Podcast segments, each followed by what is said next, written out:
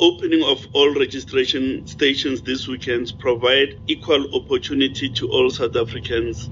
Registration weekends provides us by far the greatest registration yields in comparison with other methods. Therefore, we approach this weekend with a measure of expectation that this weekend will once again provide us significant registration activity.